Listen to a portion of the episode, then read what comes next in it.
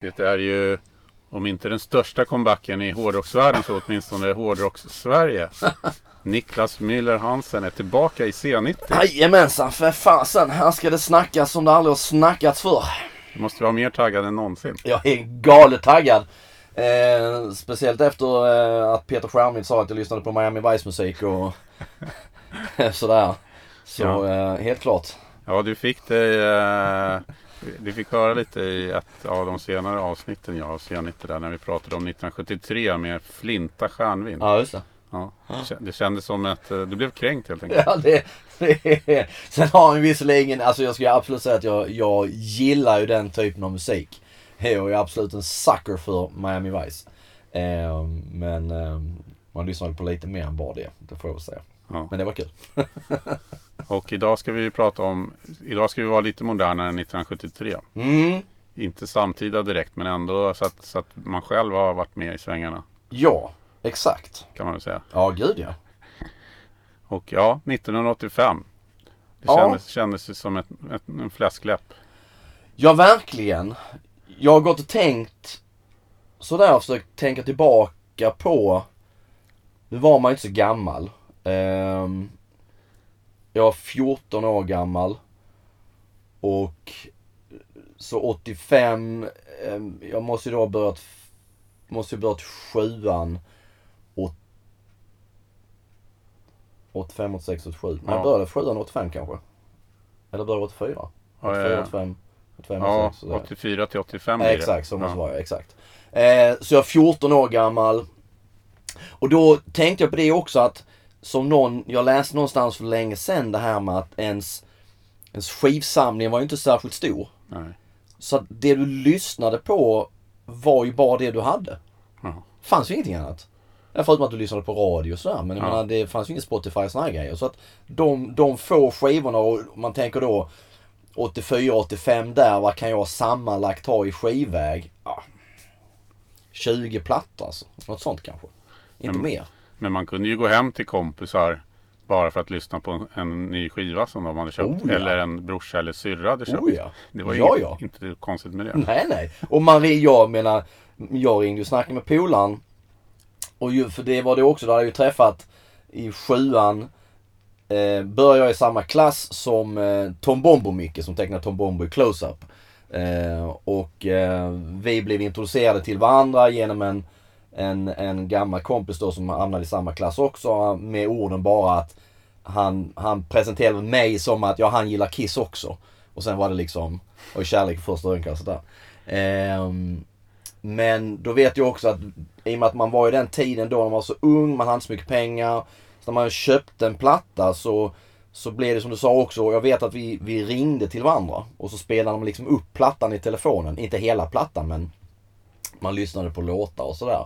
Så att det fanns ju, det som var med den tiden också var ju att allting var så nytt, det var en enorm nyfikenhet och man hittade hela tiden nya band, nya liksom eh, saker att lyssna på. Eh, köpte Kerrang runt den tiden då. 85 köpte jag nog mitt första Kerrang då. I, eller min första Kerrang i, i Brighton, England. Och, eh, och sen efter det blev det ju ett, ett ständigt köpande av Kerrang, Circus, Hit Parader, eh, Faces som jag älskade. Eh, och de här. Det blev och okej då. Så var den enda källan man hade till att överhuvudtaget få reda på någonting nytt. Mm. Så att eh, det var en oskuldsfull tid. Och 1985 är ju ett av många såklart, men ett av hårdrockshistoriens bästa år. Det släpptes fruktansvärt mycket. Ja, Sen var inte allting bra kanske, men det släpptes mycket. Nej, och även många eh, stilbildande album Mm. och så för, för andra genrer och sånt där. Sam, för samtidigt som att hårdrocken var, var stor kommersiellt så, så hade den ju också då spridit sig så mycket så att det började bli subkulturer in, Mm. inom hårdrocken Mm. och att det började komma fram eh, under etiketter och sådär. Och Oh ja. mer, mer än vad det hade varit bara några år tidigare. Ja. ja. Eh, även om det lät olika såklart. Så att, eh, ja, det hände ju väldigt mycket och framförallt var ju hårdrocken enormt stor. Ja, speciellt om man då tittar på eh, tidningen Okej som var liksom den stora svenska poprock-tidningen. Just hur de pumpade ut i varje nummer. Eh, framförallt jättemycket med Kiss som någon annan påpekade någon, någon, någon tid sedan. Eh, att i stort sett liksom varannat nummer så var det Kiss och det var reportage från USA-turné och, och sådär. Och kanske på ett annat sätt än man tänker sig hur det rapporterades i England och liknande. Jag tror inte det var samma eh, producerande av Kiss-material som det kanske då var i OK. Eh, men ehm, det, det, jag fastnar ju ganska så snabbt. Jag är ju stort Kiss-fan. Ehm, um, 85 men är ju fast i och börjar bli fast i den här Sunset Strip. Som vi har pratat om så många gånger tidigare. Ehm, så det är ju det jag lyssnar på. Så att det, det du vet jag ju mycket tidigare på det här med exempelvis Metallica och sånt. Det, jag kunde inte sätta mig in i det. Eh, det var alldeles för, det var för brutalt och, och det, det funkar inte alls för mig. Det, jag, skulle nog ha, jag vill ha det här mer melodiösa på något vis. Men jag tror också att för många hårdrockare i vår generation, även de yngre, så har ju de flesta upptäckt det här det mer extrema som ändå kom då. Men man upptäckte det senare. Mm. För att det exponerades ju inte på samma sätt. Nej, oh nej. Och, och du hade inte möjligheterna att hitta det då, då eftersom den, din enda väg var ju genom tidningar om du inte typ brevväxlade med som en del gjorde och bytte kassetter och sånt Absolut. Där, eh, som var större än vad man kan tänka sig idag ändå. Oh ja. men, men, ändå så var det ju den stora massan uppnådde ju aldrig den, de här extremare. Utan, utan, det var ju det som, som redan var stort som det stod om i Okej okay, och så det som då höll ungefär samma stil som presenterades som, som kom fram. Som Absolut. Rat och sådana band som var nya 85. Absolut.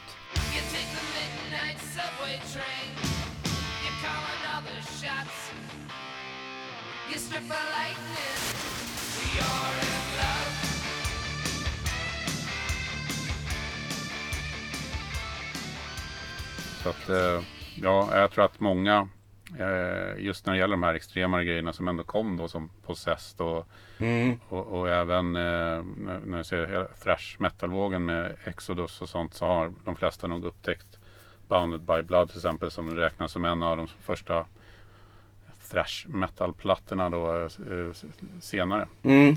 Jo men det kan säkert stämma. Det kan säkert stämma. Det tror jag nog. Sen fanns det säkert de som var med från början och sådär men det var ju inte lätt att vara det i Sverige. Nej, och som sagt, jag, det där med tape trading och sådär, det var alltså, Jag vet inte om jag ens visste att det existerade.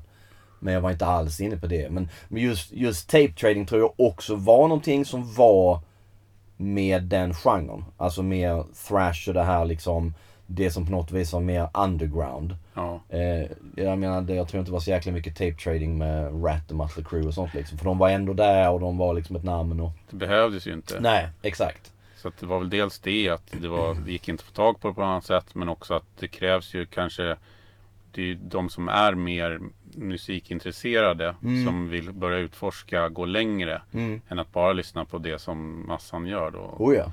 Oh ja. Så det har lite kanske med det att göra också. Faktiskt. Ja, nej men ändå 85 så då tänker jag tillbaka så här att Visst det var, det var fruktansvärt mycket hårdrock för det var hårdrockare man var.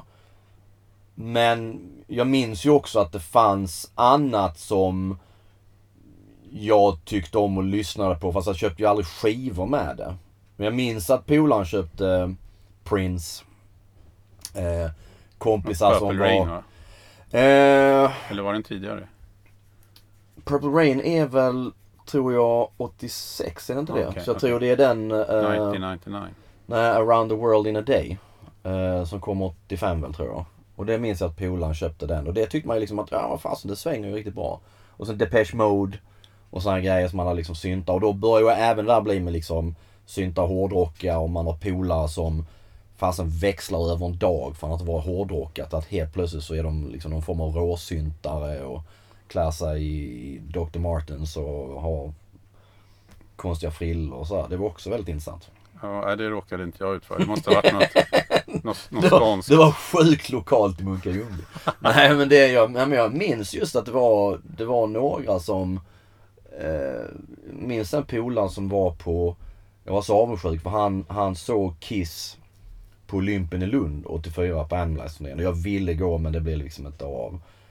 Ehm. Och sen tror jag bara ett år senare, nästan från en dag till en annan, så växlade han och så var det bara då inledningsvis Depeche, Kraftwerk. Och sen ju mer åren gick så blev det mer det här med, med Nitzereb och från 242 och de här grejerna lite mer brutala. Så att, men det var lite intressant, någon form av, jag vet inte, osäkerhet måste det väl ha varit. Att det, det jag riktigt- vet, du har tagit upp det, jag- för jag känner igen det. Du har tagit Ja. det någon gång tidigare. Ja. Det är ett svek som Ja, men det var som man, för man fattar inte hur kan du bara liksom, för det var ju också det här med att, att liksom ändra sig och så totalt förkasta det Mm. som man har lyssnat på tidigare. Man tycker liksom att, ja men är det bra så är det bra. Det, liksom, det kan ju inte helt plötsligt bli dåligt över en natt. Men, ja nej, men så var det. det. Det är inte mer med det. Det fick man ju ta. Men det var ju svårt också det här för tidigare så hade ju hårdrocken tog ju lite en eh, annan skepnad i alla fall om man ser till de stora banden som då var väldigt måna om att det skulle vara kommersiellt Mm. gångbart. Mötley Crüe är ju kanske det tydligaste exemplet på det som går från att vara lite så här satanistflörtande till att bli Visst. glamrock Ja, ja, ja. i 180 och Ja, göra, gud. göra Oh, ja. Smoking in the Boys Room Ja, och ja. sånt där. Och det, det var ju en jättebesvikelse för mig. 1985 var ju ett jättebra år.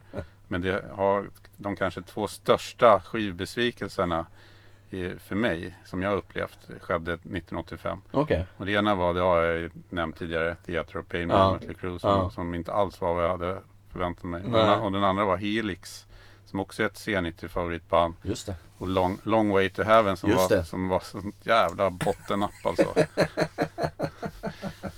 nu, nu kanske det blev så för att jag gillade ju föregångaren Walking the Razor's Edge. Älskar den. Ja, alltså jag såg ju Rock You som alla andra på Ja. TV. Ja. Och gick och köpte skivan som kanske några tusen till svenska fjuniga hårdrockare gjorde. Och sen såg jag dem till och med samma, samma år på, eh, vid Fridhemsplan på Draken, klassiska biografen som körde Ja, ja, ja. hårdrocksgig. Eh, och eh, då, turnerade de ju fortfarande på Walking the det. Edge. Och tyckte det var jättebra. Och sen kom den här long, long Way to Heaven som var liksom smörig och tillrättalagd. De skulle nå ännu större Absolut. och de skulle inte bara nå hårdrockarna nu utan det skulle vara jag kommer ihåg första låten där Kids are all shaking in the USA. Det var så jävla läkigt. äh, Det var nästan tårar alltså. Borde vara shaken in Canada för det första för de är kanadensare. Så. Ja, men det skulle då förbises på något sätt att de var exakt.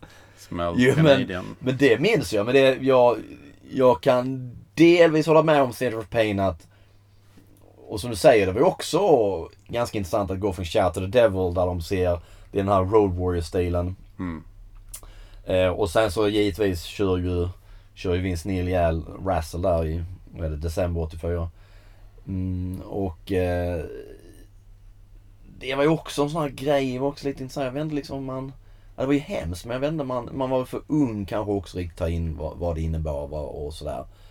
Men eh, jag vet också Tom Bomber Pola han tog fruktansvärt illa vid sig. I och med att han var liksom ett stort Hannah Rocks-fan och så. här. Mm, där Russell var trummis. ja. Ja, ehm, men, eh, men jag kan hålla med om att, att uh, Theatre of Pain, det säger de väl oftast själva också att det var väl inget så här lyckat. Eh, och Nicky Six har sagt att det där låtar inte ens känner igen idag. Eh, samtidigt var det så här rockbox när de skrev, jag har sagt det tidigare också när de spelade Keep, Keep Your Eye on the Money. Jag tyckte den var svinbra. Eh, men sen är den väldigt tam och sen som du sa också här, de, de gick ju, alltså det blir ju en parodi nästan med, det, med de här kläderna. De gick verkligen all in gånger tusen. Det var så fruktansvärt mycket eh, paletter och grejer och skit och, och, och, och, sminkade på ett annat sätt och, jag vet inte. Um, såg ju mer ut som, som damer då än någonsin. Men vad tyckte du om Long Way to Heaven då? För det var ju en sån här som många svenska hårdrockare köpte. För de turn- Helix turnerade ju i Sverige. Ja, de var ju väldigt stora här. Ja, Um, jag tror de gjorde typ så tio spelningar i Sverige. kan du, ja, det gjorde de säkert. Ja, det gjorde de säkert. Det gjorde de säkert. Spelade på så små hålor liksom. Ja. Nej men jag, eh, framförallt för samma sak där. Walking the Razor's Edge, uh, Rock You. Tyckte det var helt fenomenal. Och plattan än idag är nog en av de plattor från den tiden som jag faktiskt spelar oftare än många andra. Och mycket också för att jag tycker det är skitbra produktion. Den låter fruktansvärt bra. Och sen är det jäkligt bra låtar. Och man kan både, Rock You blir ju snabbt sönderspelad men det är så mycket annat på den. Bra energi är det. Så då. in i helsike. Eh, och just jag hittade bara nu häromdagen. Uh, för de gjorde ju en video till den, Gimme Gimme Good Lovin'. Ja, någon så så här som blev censurerad. Ja, Tracy Lords med en massa brudar från Penthouse och grejer liksom och, och sådär. Så den visas bara på Playboy Channel Ja, Just det, var det inte att Tracy Lords... eh, Hon är, om man då ska gå efter Wikipedia när hon var född, Ja, så var är hon hon så 16 år i den videon. just det. Och så här, visst, det är, det är ju inget så här, alltså det är ju lite topless. Så det är inget sånt superfarligt som så. Men eh, ganska intressant. Så de gjorde den och sen gjorde de väl en, en, en liksom snällare version som sen kunde visas på MTV och så.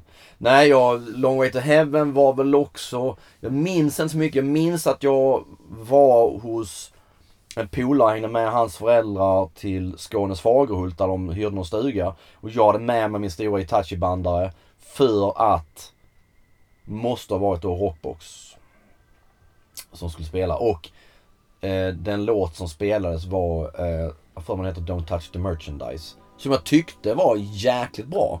Det är nog en av de bättre också. Ja. För då Eh, är det lite gamla stuket. ja. Men sen eh, blev så att jag köpte inte plattan. Det är samma sak där. Jag tror eh, någon polare köpte den kanske och så spelade jag väl in den och... Ja, nej, alltså det var, den var ju inte lika rå.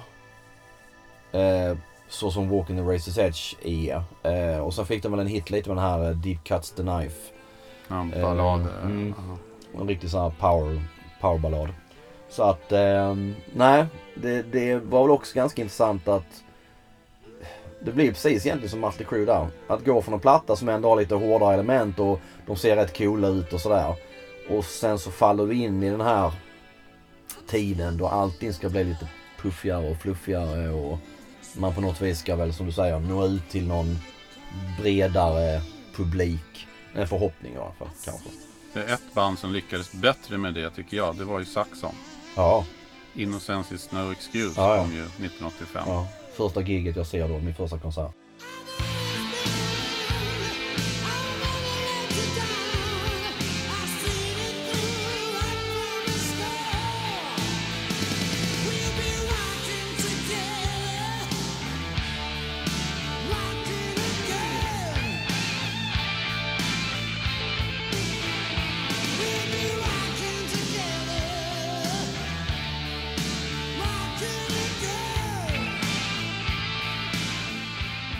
Tappade turnéprogrammet. Tappade den, exakt.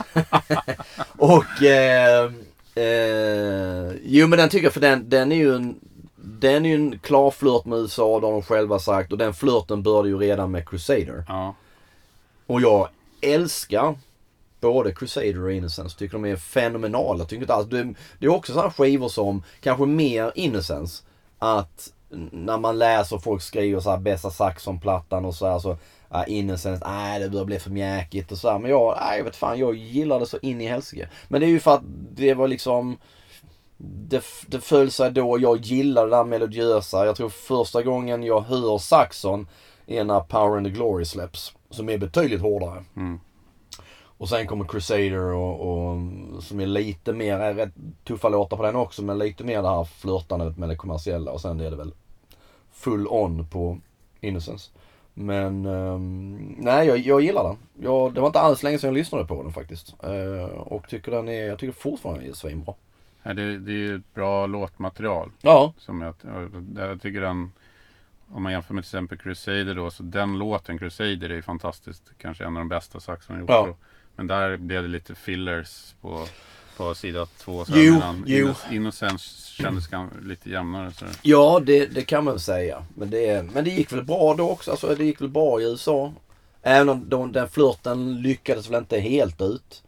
Ehm, så tror jag ändå så här att det var väl ändå att liksom videos spelades på MTV och, och det gick väl rätt bra när de turnerade där borta och sådär. Så att Men eh, det var din första konsert. det var min första konsert. Saxon Eh, på Olympian. Saxon Olympian Lund 1985. ehm, och jag hade inte sett någonting. Jag hade inte sett någonting i konsertväg före det. Hasse Andersson på Toftaskolan där jag gick typ, liksom när jag gick i trean eller så. Eh, men annars ingenting. Så det var ju bara hela det också att jag var på konsert. Farsan körde mig ner. Eh, jag var där inne själv. Olympen är ju inte stort. Men man, det var ju första gången jag var i ett sammanhang där det var liksom, fan, det var bara hårdrockare. Det var bara långhåriga och det så 99% killar. med jeansjackor, tygmärken. Eh, och så kom man där som en liten rädd eh, Munka Ljungby-kille liksom. Och, fast man knappt varit utanför kommungränsen. När de spelade då i samma veva i Stockholm så eh, hittade jag en rolig recension från den konserten på Hovet som Jan Gradvall har skrivit. Det är lite roligt att det är just Jan Gradvall för han är ju väldigt upplyft idag. Ja. Och ses ju som lite av en sån här all, allkonstnär inom musikjournalistik som kan uttala sig om allt från liksom eh, Einar och Ja, ja, svensk, rap till, Ja, ja. till extrem metall eller, Oh ja, oh ja. vad det nu är. Och han, han, jag- var tvungen att kolla upp det för han måste ju varit ganska ung och han är drygt 20 när han har skrivit den här. Ja. 1985. Och eh, till att börja med, eh, redan rubriken så börjar man och, Ana oråd. ja, för det står välstädat med Saxons med S på slutet. Vilket annars är ett bra dansbandnamn ju. Ja, det är just det. Det är ett skitbra namn för fasen. Det tyckte rubriksättarna också. Ja. För jag antar att det inte är Gradvall som har satt Nej, säkert inte. satt rubriken. Men det är då, som, vilket var väldigt van, han följer då den här mallen från den här tiden av hur man skulle recensera hårdrockskonserter Mm. i, i, i, i media då, i dagspress och sånt. Att det skulle ju vara von oben perspektivet och, och då får man ju, måste man ju distanse, distansera sig som, som skribent. Så man får inte nämna några låttitlar. Nej, Det är ganska ointressant. Utan, utan istället så skriver man då grejer som Musiken är tung, tung och nästan alla sånger är gjorda efter samma mönster. Det märks att det är just de tyngsta sångerna som går bäst hem hos publiken. Fantastiskt. Men många gånger känner man liksom att det riktade sig, även om han var så ung då, så blev det liksom att när det var i, när det var i, i dagspressen som Aftonbladet, Expressen eller vad det nu var, Dagens Nyheter. Så, så kändes det allt som att recensioner just av hårdrock, riktade sig till mammor och pappor. Ja. På något vis. Som skulle se att, åh gud, alltså det här är, det är bestialiskt. Det är, det är djävulsdyrkande och det är hemskheter och, och, och eh, det är liksom, fasen. För man behövde liksom inte nämna eh, dem vid namn utan man säger då sångaren, Ja. gitarristen.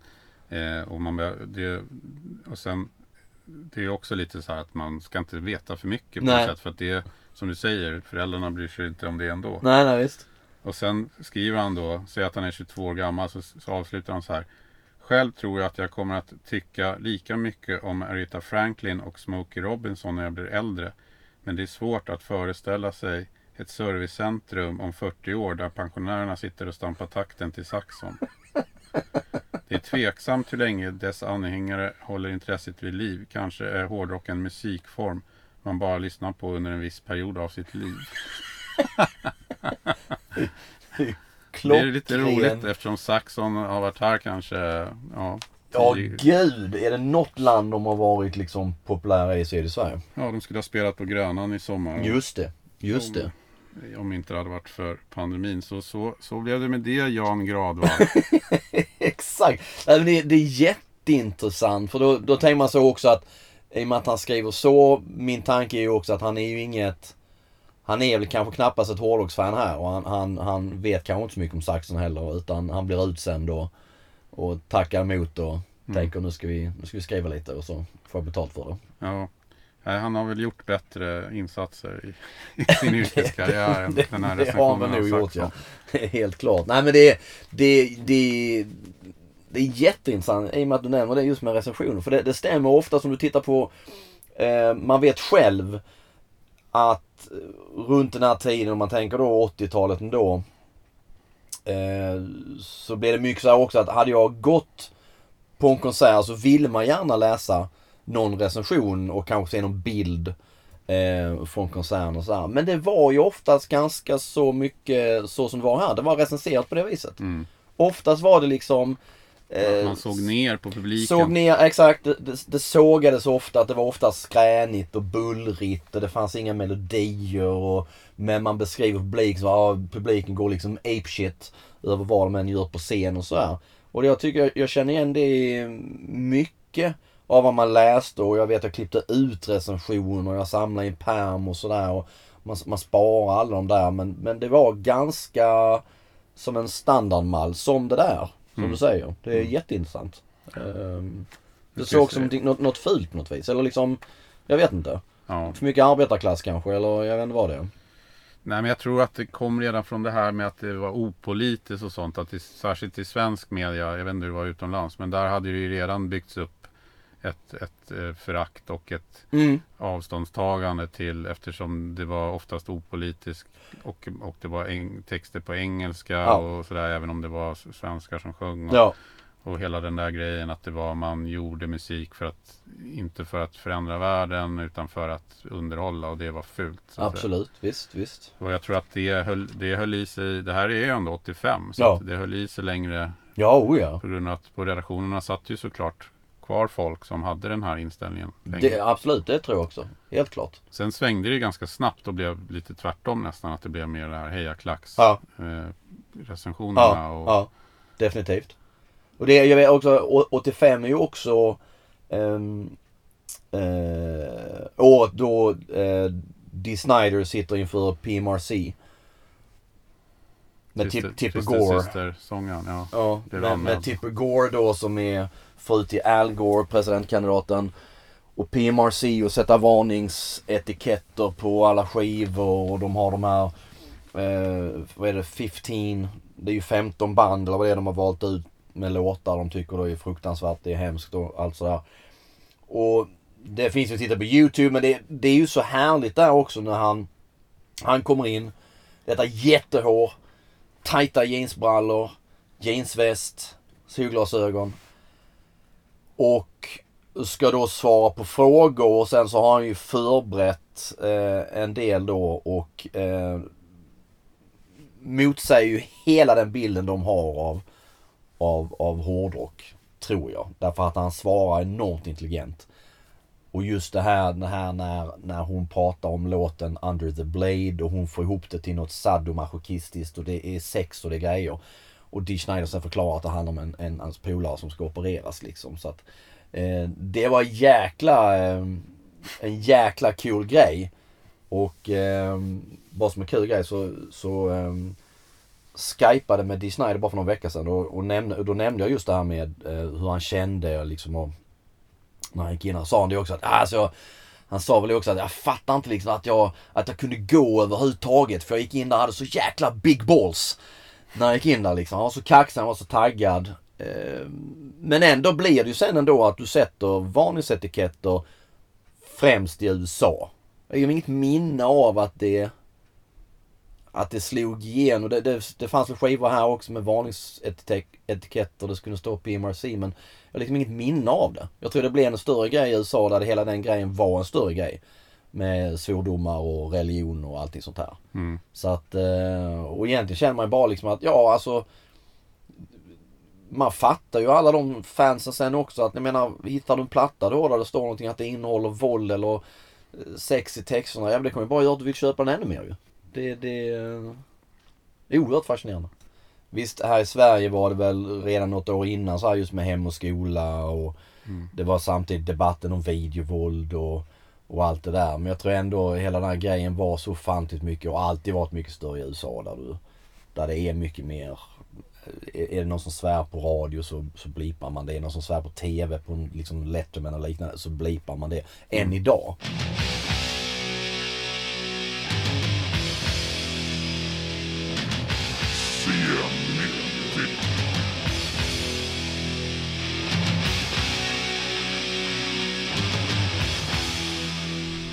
Men nej, 85 det är... Jag tror dessutom att det är den enda konserten jag ser 1985. Jag tror inte jag såg någonting mer det året liksom. Det var, det var den stora händelsen, Saxon. Det blev inte mer.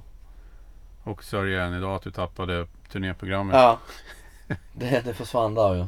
i, i extasen. I extasen. Och just det att det var så, så högt. Men det, det, men det var ju det. Man, man visste ju ingenting. Jag visste ju inte hur en, kons, hur en konsert skulle vara. Nej. när man var där på plats. Och så just att jag var där själv. Och det känns som att alla andra var två meter längre än vad jag var. Men det var ju strångt att åka dit själv tycker jag. Ja, och ändå. Jag tror farsan han körde runt och jag vet, han käkade väl middag och så här, i Lund. Ehm, och sen så och sen tänker jag det är ju också fasen det, det är så Man tänker tillbaka idag när man lever den tid idag då mobiltelefon och du kan nå alla precis när som helst. Så fanns det ju inte på den tiden. Jag menar liksom på resan ner och när vi kom dit fick vi göra upp så här liksom okej. när tror vi det är klart? Har ingen aning. liksom det, vi ses vid den här tidpunkten vid den här lyktstolpen och sådär liksom. Och så fick man ha tur om man hittade den där ute.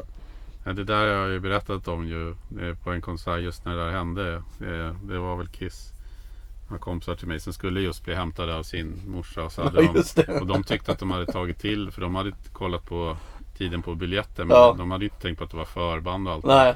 Så att de fick ju gå så här 40 minuter innan konserten var slut. Liksom. Ja, det är snyggt. Och det, jag hörde en sån jäkla rolig story eh, bara nu för någon dag sedan. Jag tror det var när... Och det... Jo, kan det ha varit när Black Sabbath spelade i Stockholm Born Again turnén och de hade Pretty Maids som förband. Och så var det ett helt gäng som hade, de hade åkt någonstans, de var ju inte i Stockholm men de hade åkt liksom det var att de åkte från liksom Skara eller någonting sådär. Och, och så var det också den här som visar på den tiden att man inte liksom visste någonting. Born Again sågades ju den plattan liksom. Mm. Eh, I och med att Gillan sjöng och så. Men då hade de kommit in och så kommer de in när Pretty Mates spelar. Och så bara så här, nej men vad fan! Har Sabbat keyboards på scen och sånt. Så hade de bara gått och dratt därifrån. Och liksom inte förstått att det var förbandet som spelade. Och missat hela giget. Så att nej, men det, men det visar lite den här tiden just här också. Att man inte, man, man visste liksom ingenting. Nej, man Det- hade inget överskott av information Nej. på samma sätt. så Noll koll. Du, Ja. du hade plattan, du satt och tittade på den och vände på den och, och sådär. Och lyssnade på låtarna. Det var ett. Ja. Ja, ja det är fascinerande. Men, men du var ett W.A.S.P-fan va? Ja, det var jag.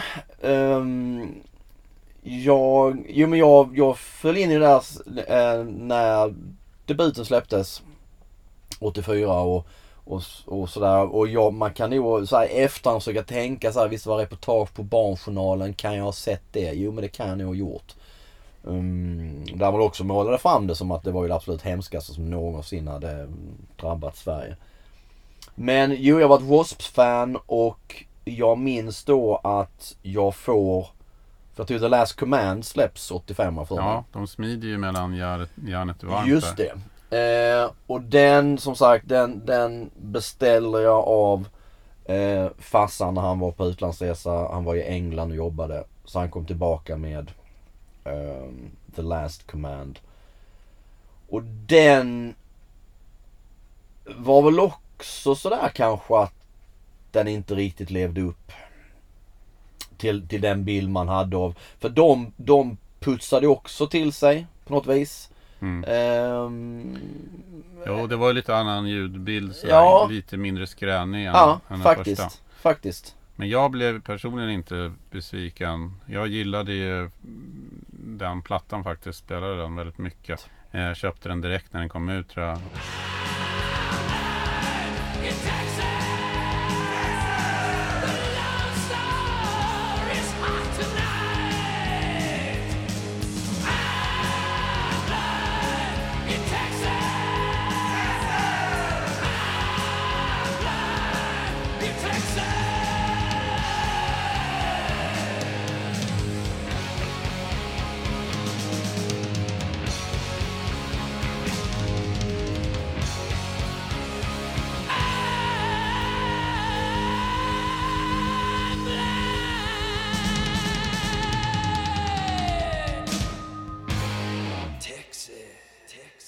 Men som, absolut som du säger, jag, man lyssnade ju sönder den. Mm. Ehm, men jag tror nog att jag liksom för mig att det var mycket, i och med att det var så sällsynt då med att köpa skivor för då hade inte, jag hade inte pengar. Ehm, och jag kunde liksom be mina föräldrar om att jag skulle få en skiva varenda vecka och så liksom. Så det blev när man hade skapat upp lite så köpte man någonting. Och det var det så här liksom att då, då var det också med skivköp var ju att det var liksom noga utvalt. För du tänkte ändå fasen det- är en skiva, en hel skiva, det måste vara bra. Hemskt att lagt ut vad det nu kostar. 70 spänn och komma hem med någonting som är jättedåligt. Men jag tror jag vill minnas sådär att Last Command att jag lite så här också att jag tvingade mig att tycka att den var toppenbra. Fast den kanske inte riktigt var toppenbra. Idag kan jag lyssna på den och tycka att det är jättemycket på den som är, ehm, som är fantastiskt bra. Men jag, jag tycker nog debuten är betydligt ja, eh, den är ju- coolare. Men det går ju också snabbt. Alltså, man var ju fortfarande bra på den tiden att som, som vi sa att få ut grejerna medan intresset fortfarande var på topp. Då, att då, Oh ja. Jag menar W.A.S.P. turnerade ju väldigt mycket. Ja. Ganska sent kom ju skivan 84. Men ändå är man ju tillbaka 85 med en helt ny. ja, visst. Visst. Så att, å andra sidan var ju jag tror att Blackie hade väl samlat på sig rätt mycket. Han var ju inte, han var inte så jätteung.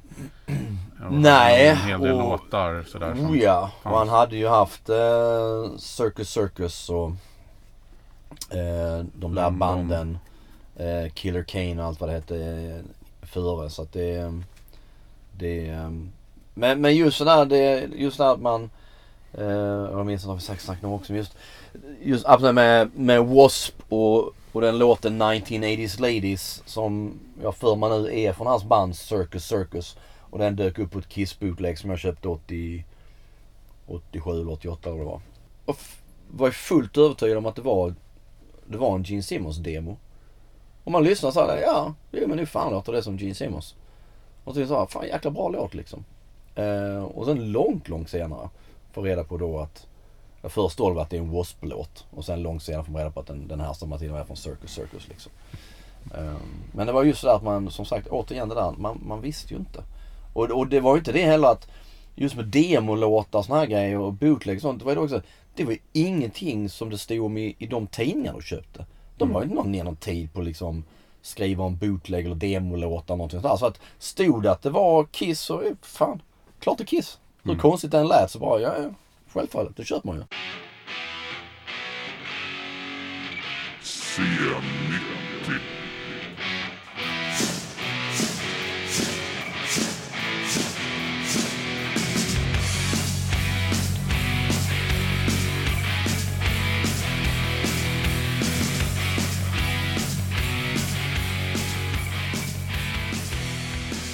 En av de kanske största släppen i hårdrocksvärlden 1985 är Oj. ju ändå Accept. Metal Heart. Jäklar.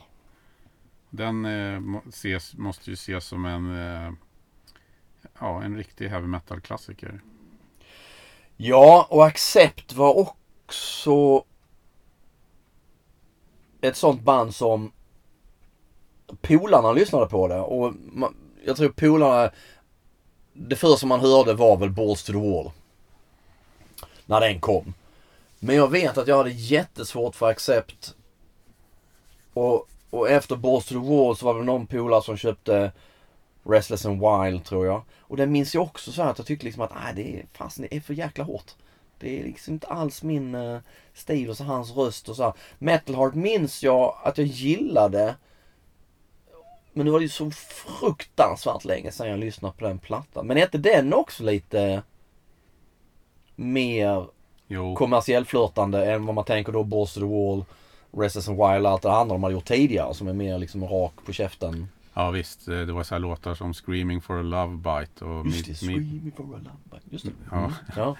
Midnight Mover. Och, ja, den! Helsike! Ja, ja, ja. Gud, Så ja. visst var det lite, och det var Ja. lite slickare produktion sådär Ja. också. Och särskilt om man jämför med Fastest Shark och de här. Restless and Wild. Just det. Eh, som ju var betydligt skramligare. Ja. Skränigare så. Ja. Men ehm, ja, Stark, de höll ju sina positioner som ett av de världens största hårdrocksband. Ja. Som de ändå var med. Alltså de fyllde ju hovet och sådär när de kom till Sverige. Ja, för jag tänkte de var också här, eller min bild Mm. av att de var också här ganska så ofta där. De var här på spo- i 80-talet. Stockholm var de på sportlovet 85. Vilket jag minns för att jag inte kunde gå då. Mhm. För att vi åkte alltid till fjällen. Ja, ja, ja, ja. Så att jag eh, var väl inte the happiest camper där. och, Kul, kul att ha med David i fjällen liksom. och mina, jag visste ju att mina kompisar skulle gå. Och, Ja, ja, ja. eh, Det var till och med några tjejer i parallellklassen. De var så mycket hårdrockare då. Så de hade så här smitit in samma dag som Accept spelade på Hovet. Så hade de gömt sig. För de hade så här stora reklamskyltar ovanför där sektionerna stod på hovet högt upp. Ah, okej. Och där syntes man liksom inte Nej, nej, nej. om det inte gick ovanför dem. Okej. Så de hade gömt sig där och så låg de där hela dagen och väntade tills konserten skulle börja så slapp de liksom pröjsa. Helsike vilken Jag kommer ihåg dedication. att de var så nöjda så sa jag så här, men det måste ju vara tråkigt liksom. Så här, Nej då, de soundcheckar ju.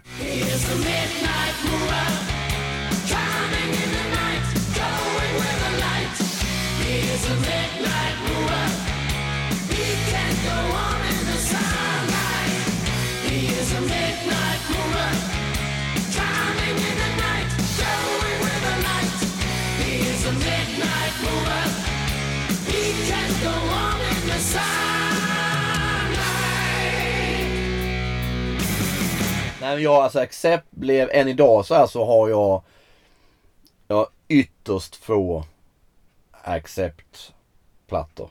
Jag har Balls to Wall. Jag tror jag har Russian Roulette också, men på CD. Och som jag köpt så här billigt, hittat på Stadsmissionen för 20 spänn. För inte alls många år sedan. Jag, jag blev aldrig ett fan, även om jag idag kan uppskatta det sådär. Alltså, men på den tiden fanns det inte en chans att jag skulle lägga pengar på en Accept-platta. Även om jag kanske tyckte vissa låtar var, var bra. Så nej, det var någonting som, som tog emot. Nej, jag tyckte det var, det var, det var sånt där som man gick och ville ha direkt när det kom. Liksom. Ja, Det höll väl i sig till den Russian Roulette som kom senare, kom 86. jag kommer inte den, ja exakt, jag tror den kommer året efter. Ja. Ja. Ja, och det var väl tre plattor i lite samma stil. Ja. Helt klart, helt klart. ja, ett av de tio största banden Ja. var de ju. Exakt, Ja. helt klart. Precis Jo. som Saxon och, Ja, ja, ja. och Dio. Och Dio ja. De är ju, de släpper ju eh, Sacred Heart va? Just det. 1985. Ja. Där var, jag, där var man ju besviken på omslaget. Ja, det var inte så jäkla snyggt. Ja, men de hade ju två fullständigt ikoniska omslag innan då med Holy Diver och Last in Line. Ja. Och sen, eh, han heter ju något den här figuren. Jaha. Ja, det kommer jag Ja, fan det inte har jag, det har jag vetat. Men precis som Eddie har han ju något namn. Ja, ja, ja, ja, det är mycket. Djävulsliknande Ja. jätten som är på omslagen.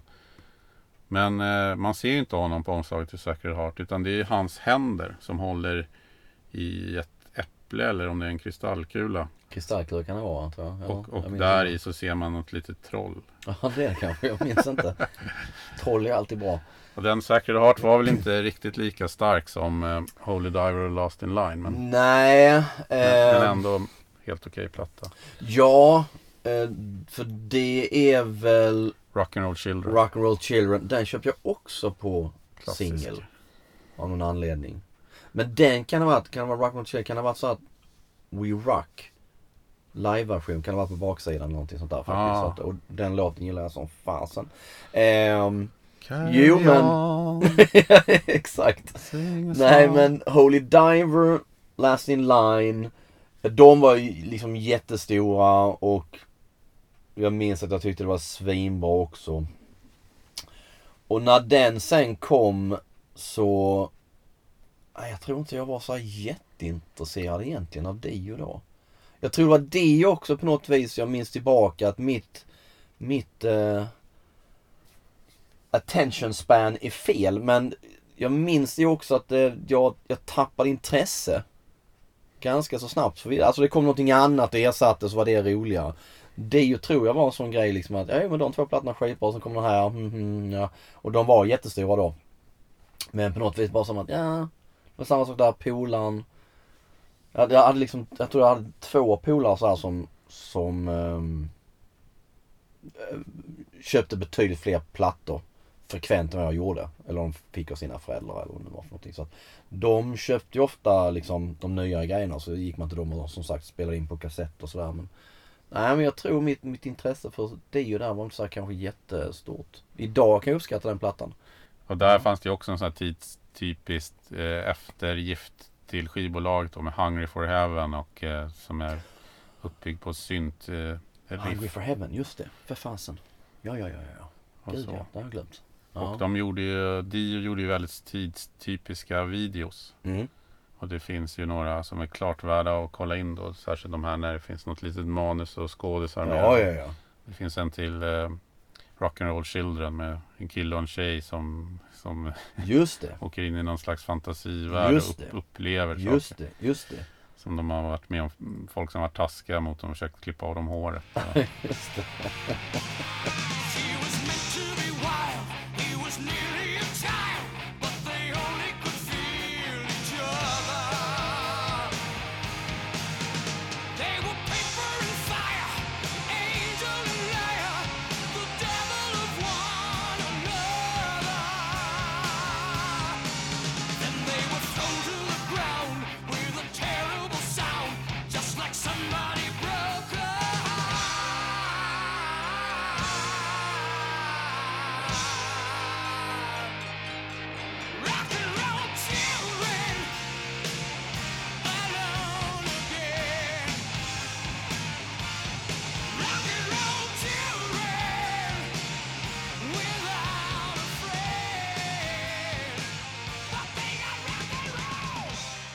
Ja, den är rolig. Det är fantastiskt. ACDC är ju skivaktuella 1985. Fly on the Wall. Ja, En av deras lite mer utskällda plattor. ja. Det var samma sak, jag snackade nyligen med Danko Jones. Han tyckte den är svinbra. Han älskar den här Sink the Pink. Och eh, det var någon annan låt han nämnde som att ja, skitbra. Fly on the Wall, ja den köpte jag. Jag var ett stort AC/DC-fan. Eh, och den var nog också så här att jag på något vis... Det var nog lite så också jag faktiskt försökte övertyga mig själv också att det var lysande. Fast egentligen inte var det. Jag har lite, jag, alltså, jag känner att så här, Fly on the Wall för mig nu är sån där... Jag tror det är mer nostalgi över den tiden än att jag egentligen tycker att det är så fantastiskt. Mm. Visst, där är, en, där är en del låtar som är bra. Som jag gillar. Jag minns att jag köpte Danger. Singeln som man kunde veckla ut så blev det en plansch på den där jäkla flugan eller vad fan det var. Ehm, och, och, eh, och sen såg jag dem året efter, 86 i Malmö, på den turnén med 220 volt som förband då. Och det var ju också så här då, det, det var ju då min andra konsert väl. Och jag tyckte det var ju liksom, det var ju magiskt. Det var ju så fruktansvärt bra så det fanns inte ord för det. Men jag vill minnas också tillbaka till recensioner man köpte så här. Det kan ha varit Stefan Linkvist. Eh, som fortfarande skriver som eh, också recenserar. Det kan också vara en sån här sågning med att det var det där klassiska, det var dåligt ljud och allt vad det nu var. Men jag tyckte det var liksom helt, helt underbart. Fruktansvärt bra. Men Flying the Wall som så, som platta. Jag vet fast jag tror de spelar någon. Alltså de senaste åren när de turnerar så har de nog inte spelat någon jäkla låt från Flying the Wall.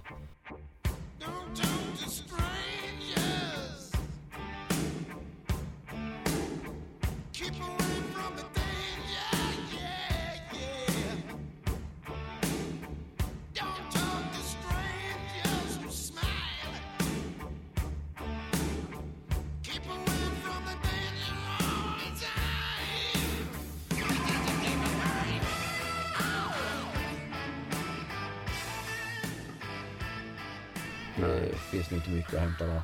Du sitter ju faktiskt nedanför en t- tisha Just det. med just den här flugan. Ja.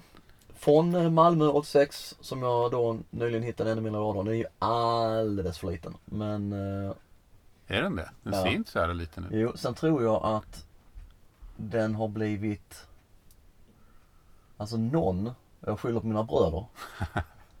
tror jag har sytt in den. Alltså det är Ah, någonting Okej. Som har hänt med den som inte riktigt stämmer. Jag är inte riktigt säker men det kan ha varit något sånt. Är det datum på ryggen också? Så? Det är datum på ryggen, Ja. absolut. Så, så den har jag kvar. Så att det Jag hade ju den och så, jag hade ju Mötley Crüe 80 från 86 då, så Theatre of Pain-turnén. Men den är ju sen, där skiljer jag helt och hållet mina bröder. Den är försvunnen. Så den finns inte längre. Eh, Men det var också en sån grej. Att jag var ingen sån här stor eh, t-shirt Då. köpare. Du har tagit igen det på äldre dagar. Ja, det, jo absolut. Men även nu idag så är det sällan jag köper turné-t-shirts egentligen. Nu är de så jäkla dyra tycker jag. Så att det eh, och då var det exakt, man minns inte vad de här kostade. Det här kostade kanske 110 spänn. Jag vet inte om de Mm. kostade det ens en gång. Men det var mycket pengar när man var, alltså, när man var 14-15 och det, man hade inga pengar. Så, att, så jag investerade i den och jag vet att jag köpte då Mötley Crüe, Theatre of Pain. Sen så nästa t-shirt jag köpte efter det tror jag var Kiss i Köpenhamn 88. Så att, ehm, nej. En annan platta som, köpt, eh, som släpptes 85 är, är ju Autograph. Sign in please.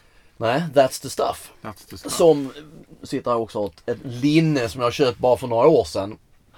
Ehm, För den är ju lite så här osann. Det är lite mer så här breakdance eh, graffiti-stuk på absolut. motivet. Sen på ryggen står det faktiskt Turn it up. Precis som Turn up the radio, Ja. deras lilla hit. Ja. Men eh, That's the stuff släpps 85 och det, det är också en sån platta som de flesta tycker Autograph. Om man pratar idag så tycker de flesta att Autograph är skit. Eller så här, fattar inte att, att jag kan tycka det är så bra. Men jag gillar alla deras tre plattor som släppte då mellan 84 och 87. Um, ehm, och det är också något, det, är- det är ju melodiöst som bara den. um, catchy.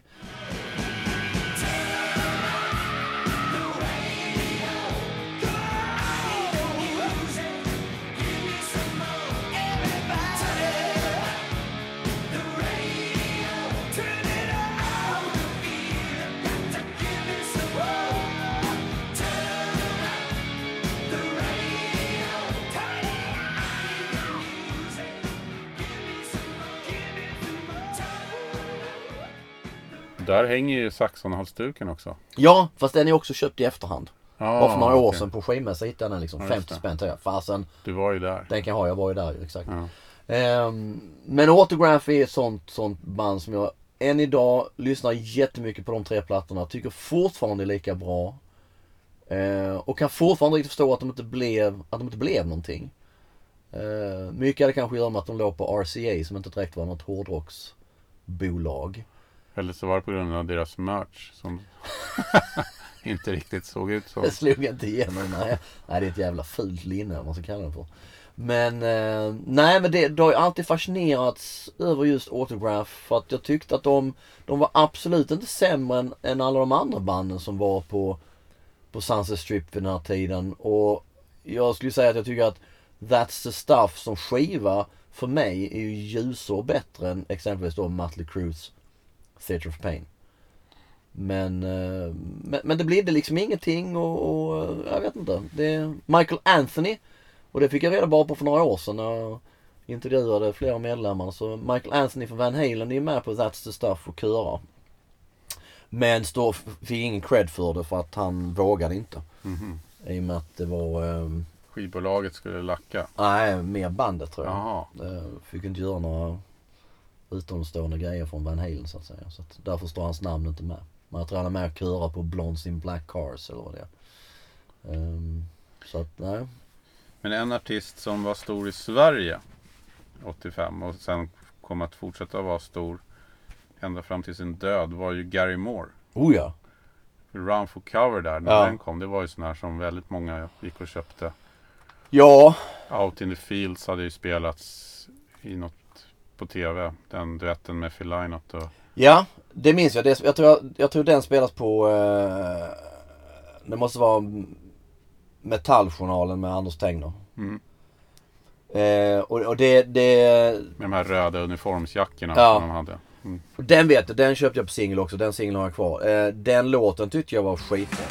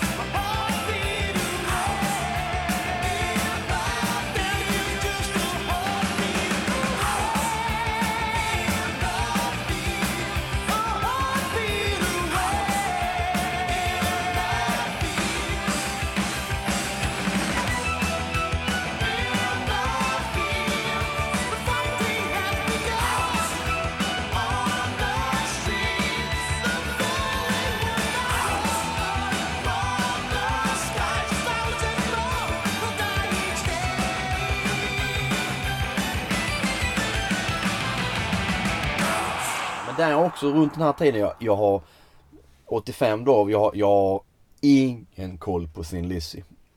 Jag tror först kan det vara två, tre år senare efter att man började gå på skivmässor och sådär, det är en skivmässa i Ängelholm.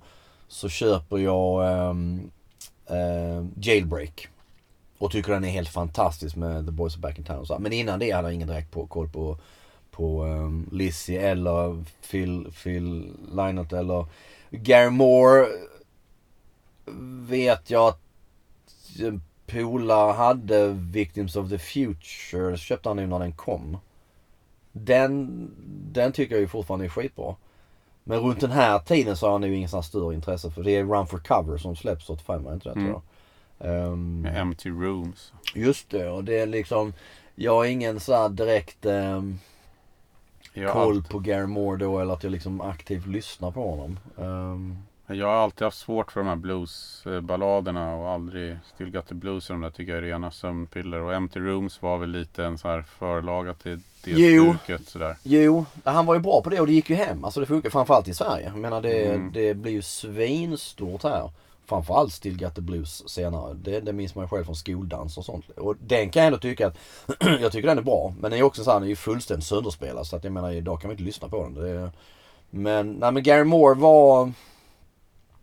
Nej, och det är ju ingen som jag direkt lyssnat Men man känner väl igen låtar så här man hörde och det var mycket det här med Out in the Fields.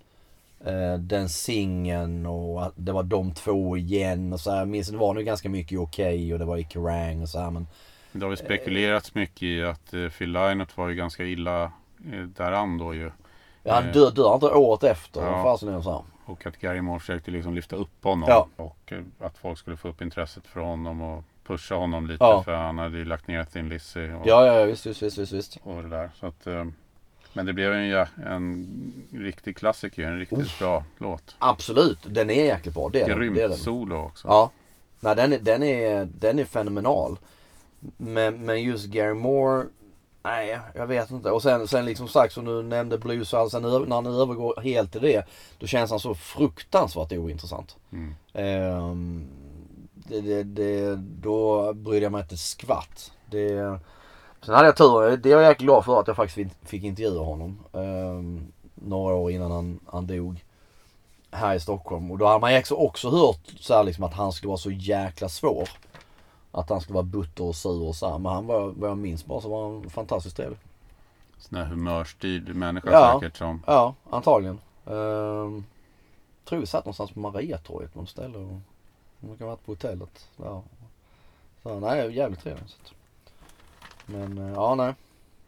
Men om man ska se lite hårdrockshistoriskt då som vi var inne på i början. Eh, så är det ju eh, tre, jag har plockat ut tre plattor från extremmetallgenre som man kan säga så. Eh, och då är ju Exodus deras debutplatta Bounded by Blood då Mm. som är en eh, thrash. Mm, Det, det är så mycket thrash metal som det kan bli, en riktig Ja. klassiker. Och det är ju mycket Gary Holts verk. mm, Eh, för Kirk Hammett blir ju, han lämnar ju Ex- Exodus för Metallica, eller blir ju helt enkelt bara plockad till Ja. Metallica när, Ja. Dave, när Dave Mustaine eh, får kicken. ja. Och eh, det kan ju inte varit helt roligt för de andra Exodus som då sågs kanske som det största bandet i Bay Area. Ja absolut och det, det, det tror jag också det är just att, att ehm, ehm, den här, för jag såg den här dokumentären, det var väl förra året den kom, Murder in the Front Row. Som handlar just om Bay Area-scenen och thrash metal och det är, det är mycket Exodus och Metallica och så. Det är ju första textraden i, i Bounded by Blood också. Så exakt. Och, eh, snyggt. Eh, och, eh, men då, då målas bilden upp liksom så här med att, att eh, Exodus var jäkligt heta och många var kanske mer egentligen inne på Exodus än vad man var inne på Metallica. Just kring de här åren. Man tänker så här 83, 84, 85 och sådär. Ehm, så att eh, det är väl intressant. Men ehm, jag såg bara igår så hade Gary Holt, vi hittade en bild med honom han lagt upp. För han har ju det här Kill the Kardashians. Det är ju han eh, tillsammans med en polare som tycker t-shirts och så. Och då hade han faktiskt en ny Kill the Kardashians men den bygger just på Bondi by Blood omslaget. Fast det är omgjort att de här bebisarna det är ju en bild på Kim Kardashian och någon annan Kardashian. Mm. Ehm, så att eh, det, det är lite coolt. Jag skulle ha en sån. Jag tackade ju nej till en, en vad han då sa var typ en medium. När jag intervjuade honom. Och han sa bara liksom att Nej jag har nog medium, eller den är nog medium nu för den är jäkla utfettad och så här liksom så här. Men det är den enda jag har med mig så här. Och jag liksom säger då att nej den är nog för, jag är nog för tjock för den. Så det blir ingenting. Och det är så här som jag har ångrat. Det där var kanske tre, tre år sedan. Jag, men jag skulle, man, man är liksom dum i huvudet. Jag skulle ju jag skulle tagit tröjan oavsett om den var för stor eller för liten eller någonting. Jag skulle bara tagit den för det är Gary Holt som haft den och det är en Kill the Kardashians tröja. Mm. Men nej, nej, jävla korkat alltså. Men, men det, det, det är lite roligt just det här med omslagen också. Dels för att Exodus blev ju uppmärksammade helt otippat av att David Beckham när det var som när alla så här Hollywood stars skulle gå runt med hårdrocks hade ju en, just en Bounded by Blood. Ja, ja, ja. Och eh, då var, blev det så uppmärksammat så det slutade till och med att någon reporter frågade David Beckham om han visste någonting Exakt. om liksom.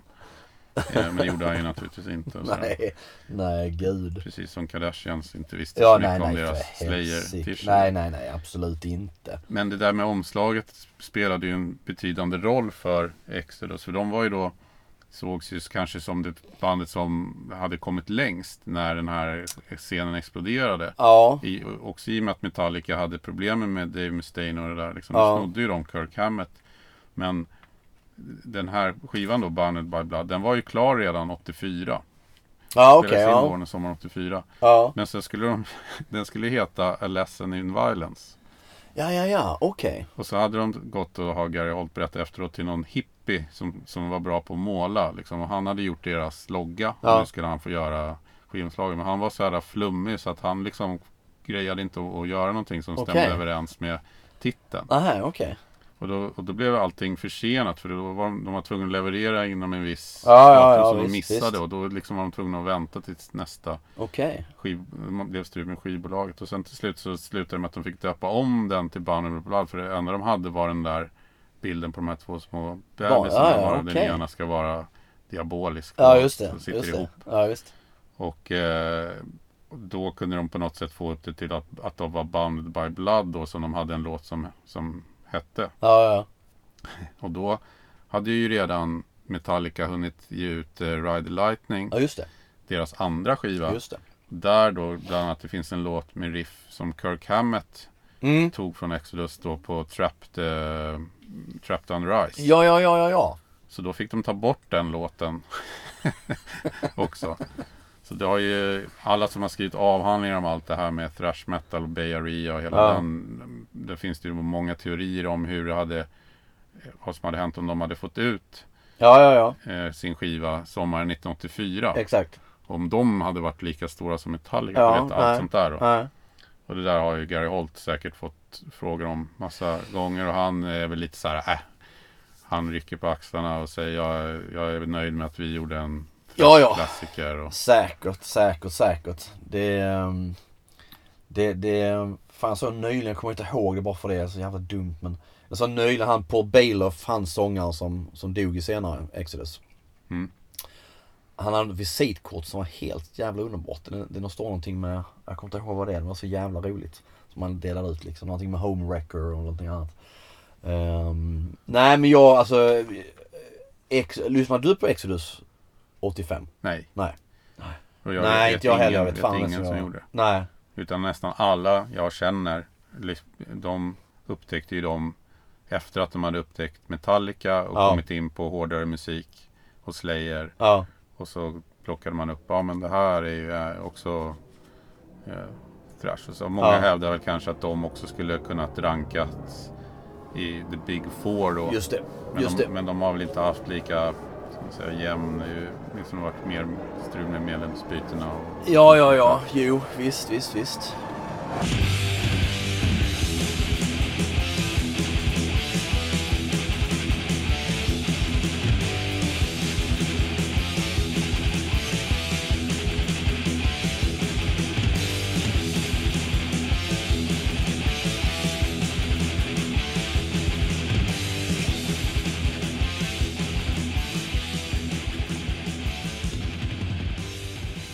Annan då intressant från ungefär samma område då. Ja, det är ju samma område, San Francisco.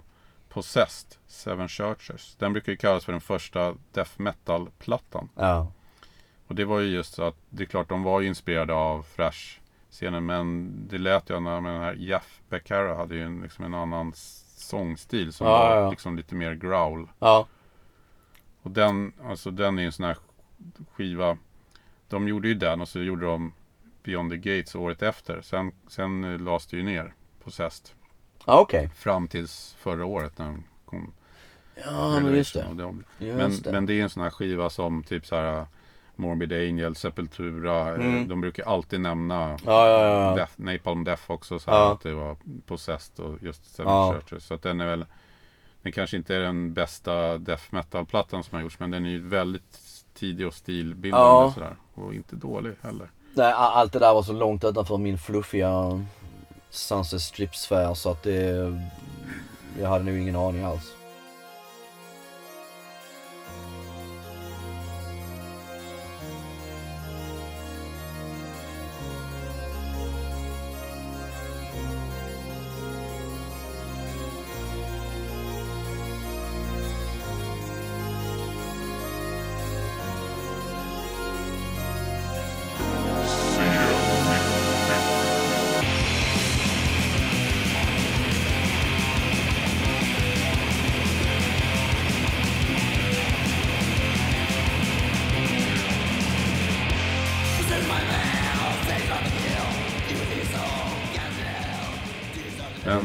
Celtic Frost då? Från, från? Jo men absolut, men det var också så, jag, och jag vet inte vad min, min bild av, för jag tror aldrig jag hörde dem på... Man hördes ju ofta, man kunde ju se ibland tuffa grabbar som hade Celtic Frost eh, patches. Ja, och sen kunde man väl se på baksidan, okej det var här skivor man Mm. kunde beställa så här, så var väl, stod väl det, deras namn ibland. Men jag hade nog ingen som helst koll på, jag tror inte jag hörde, jag tror jag hörde dem från många, många, många år senare. Nej. Eh, så jag hade verkligen ingen koll på dem. Jag tror bara min, min bild av det var det så här liksom att nej det där är någonting som är, det är liksom, det är alldeles för hårt för mig. Alldeles för brutalt och ingenting jag kommer att lyssna på. Men den som kommer 8, 1985, det- jag tror att det är typ deras tredje. Det är Megatherion. Jaha okej, ja, ja, ja. Grekiska för den Ja, ja, ja. store djävulen. ja, ja. Eh, den rankas ju som kanske en av de första death metal-plattorna. Okej, liksom. okej. De har ju han den här intressant frontfigur där, Tom G. Warrior. Warrior, exakt. Som även startade Hellhammer och så Just startade de Celtic Frost när de Just låg ner. Så han verkar ju vara en väldigt så här entreprenör som är överallt. Och, Ja.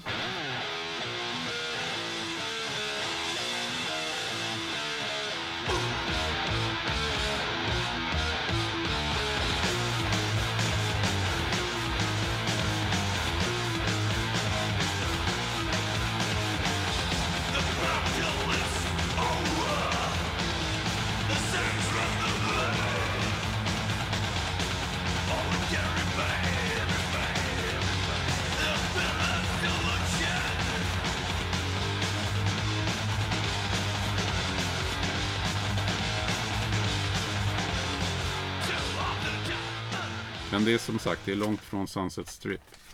Ja, eh, ja väldigt långt. Alltså, det, det, men det är jätteintressant just, jag tror mycket var sådär att, för mig personligen, mycket var att jag tror jag tilltalades mer också hur, av hur LA-scenen såg ut. Att de såg coolare ut och sen såg man dessa bilder på, säg då Metallica, Exodus, men alla andra band, eh, Venom och allting sådär som ändå figurerade okej så också. Och så var det liksom att, fasen, det, de ser ut som slus, alltså för mig det var ju liksom sluskar. Det var det, och så var det patronbälten och, ja, det tilltalade inte alls. Jag, jag var mer inne på den här fluffiga av någon anledning.